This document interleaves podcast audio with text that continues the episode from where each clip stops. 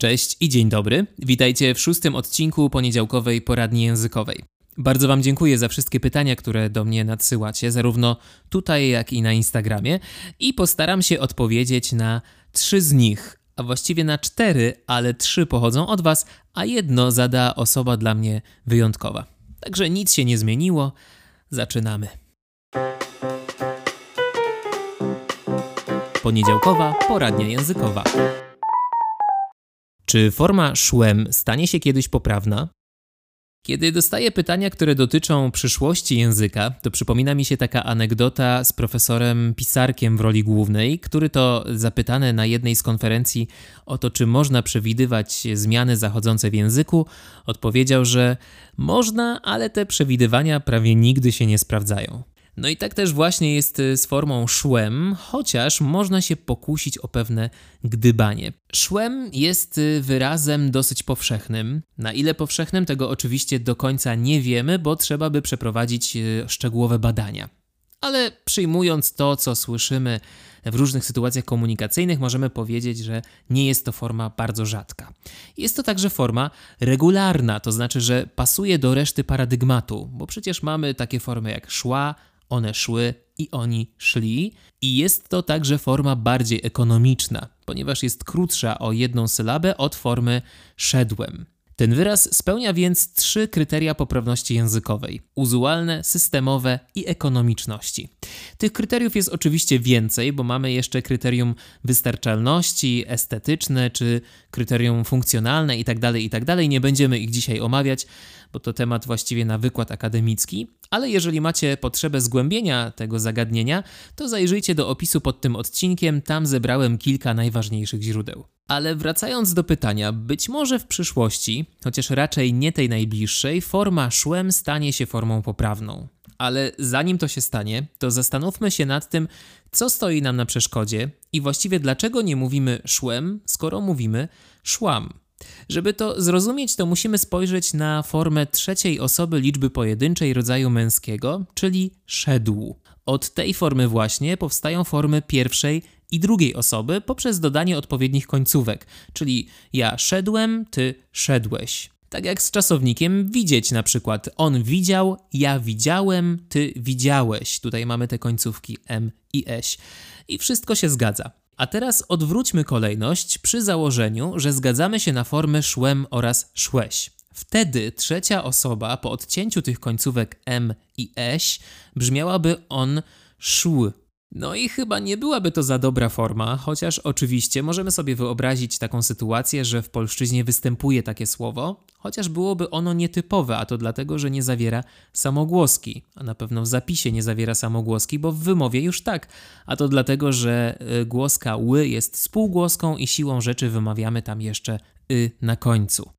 Pytanie tylko, czy ta konsekwencja jest tutaj niezbędna i czy musimy tworzyć taką formę jak on szły, bo przecież można sobie wyobrazić sytuację, w której mamy formy ja szłem, ty szłeś, on szedł i ta ostatnia forma pozostanie taka, jaka jest współcześnie.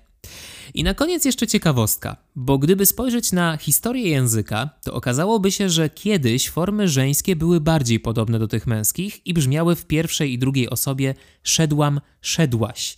Jednak w trakcie rozwoju języka zanikło e i powstały takie formy jak szdłam, szdłaś, które były bardzo trudne do wymówienia i dlatego uproszczono tę zbitkę spółgłoskową szydły do szł i stąd właśnie formy szłam oraz szłaś.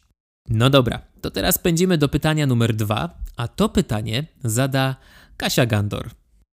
Mateuszu, mam takie pytanie. Jak pomyślę sobie o różnych językach, które znam, takich europejskich, to w każdym z nich wyraz, który oznacza nie, brzmi podobnie, bo to jest no, albo nein, albo no, albo nej i tak dalej. I zastanawia mnie, dlaczego tak jest.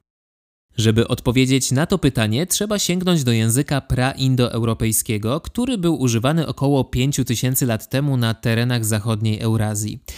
A tak przynajmniej widzą to naukowcy, bo jak było naprawdę, tego nie wie nikt. A to dlatego, że nie mamy dostępu do żadnych źródeł pisanych, nie wspominając już o mówionych tego języka. Został on zrekonstruowany na podstawie badań porównawczych innych języków, tych, do których mamy bezpośredni dostęp. Praindoeuropejski jest więc raczej naukową hipotezą. Tak czy inaczej uważa się, że praindoeuropejszczyzna dała początek takim językom jak polski, niemiecki, angielski, hiszpański, francuski, rumuński, litewski, czeski, słowacki itd. itd. W związku z tym niektóre wyrazy występujące w wielu współczesnych językach wywodzą się z form praindoeuropejskich, mają wspólnego przodka.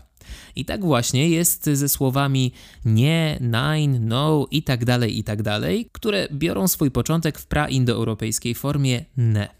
Co ciekawe, ze słowem tak już tak nie jest. Polskie tak to skrócona forma wyrazu tako, przysłówka, który oznaczał tak w ten sposób i który powstał od zaimka taki. Współcześnie to słowo tako znajdziemy chyba już tylko w wyrażeniu jako tako. Mam nadzieję, że jako tako udało mi się to wytłumaczyć i możemy przejść do pytania numer 3. Czy rząd w znaczeniu Rada Ministrów i rząd jako kilka osób ustawionych obok siebie w linii mają coś wspólnego? Oba te wyrazy mają ze sobą bardzo dużo wspólnego, więc to podobieństwo w wymowie i w zapisie nie jest przypadkowe, ale po kolei. Rzeczownik rząd w znaczeniu pewna liczba osób lub rzeczy ustawionych obok siebie w linii prostej pochodzi jeszcze od prasłowiańskiej formy, która niosła podobne znaczenie i zresztą była bardzo podobnie zbudowana do tej formy, którą znamy dzisiaj. Z tego słowa, jeszcze w prasłowiańszczyźnie powstał czasownik, który współcześnie brzmi rządzić i który oznaczał ustawiać w szeregu, szeregować, no bo jeżeli rząd to szereg, to rządzić to szeregować. Poza tym oznaczał jeszcze wprowadzać ład, doglądać czegoś, dbać o coś, kierować czymś, a wreszcie władać. I właśnie od tego czasownika rządzić w znaczeniu władać powstał znowu rzeczownik rząd, ale tym razem w znaczeniu Rada Ministrów. Czyli podsumowując, rzeczownik rząd w znaczeniu szereg i rząd w znaczeniu Rada Ministrów, choć tak samo zbudowane i tak samo się wymawiają, to pochodzą z różnego okresu rozwoju polszczyzny. Nie była to długa odpowiedź, ale przecież nie wszystkie pytania takich odpowiedzi wymagają i podobnie będzie zresztą z pytaniem numer 4.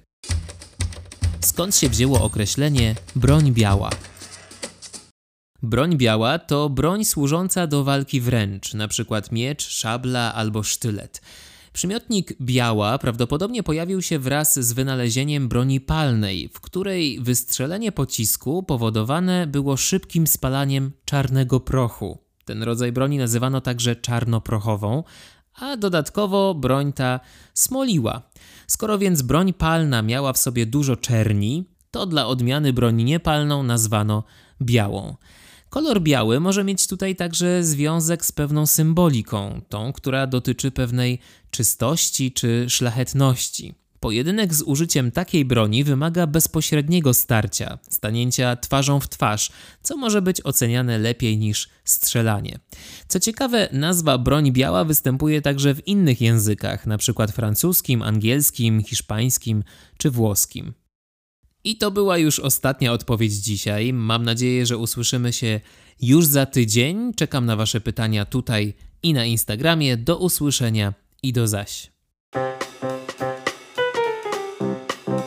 Poniedziałkowa poradnia językowa.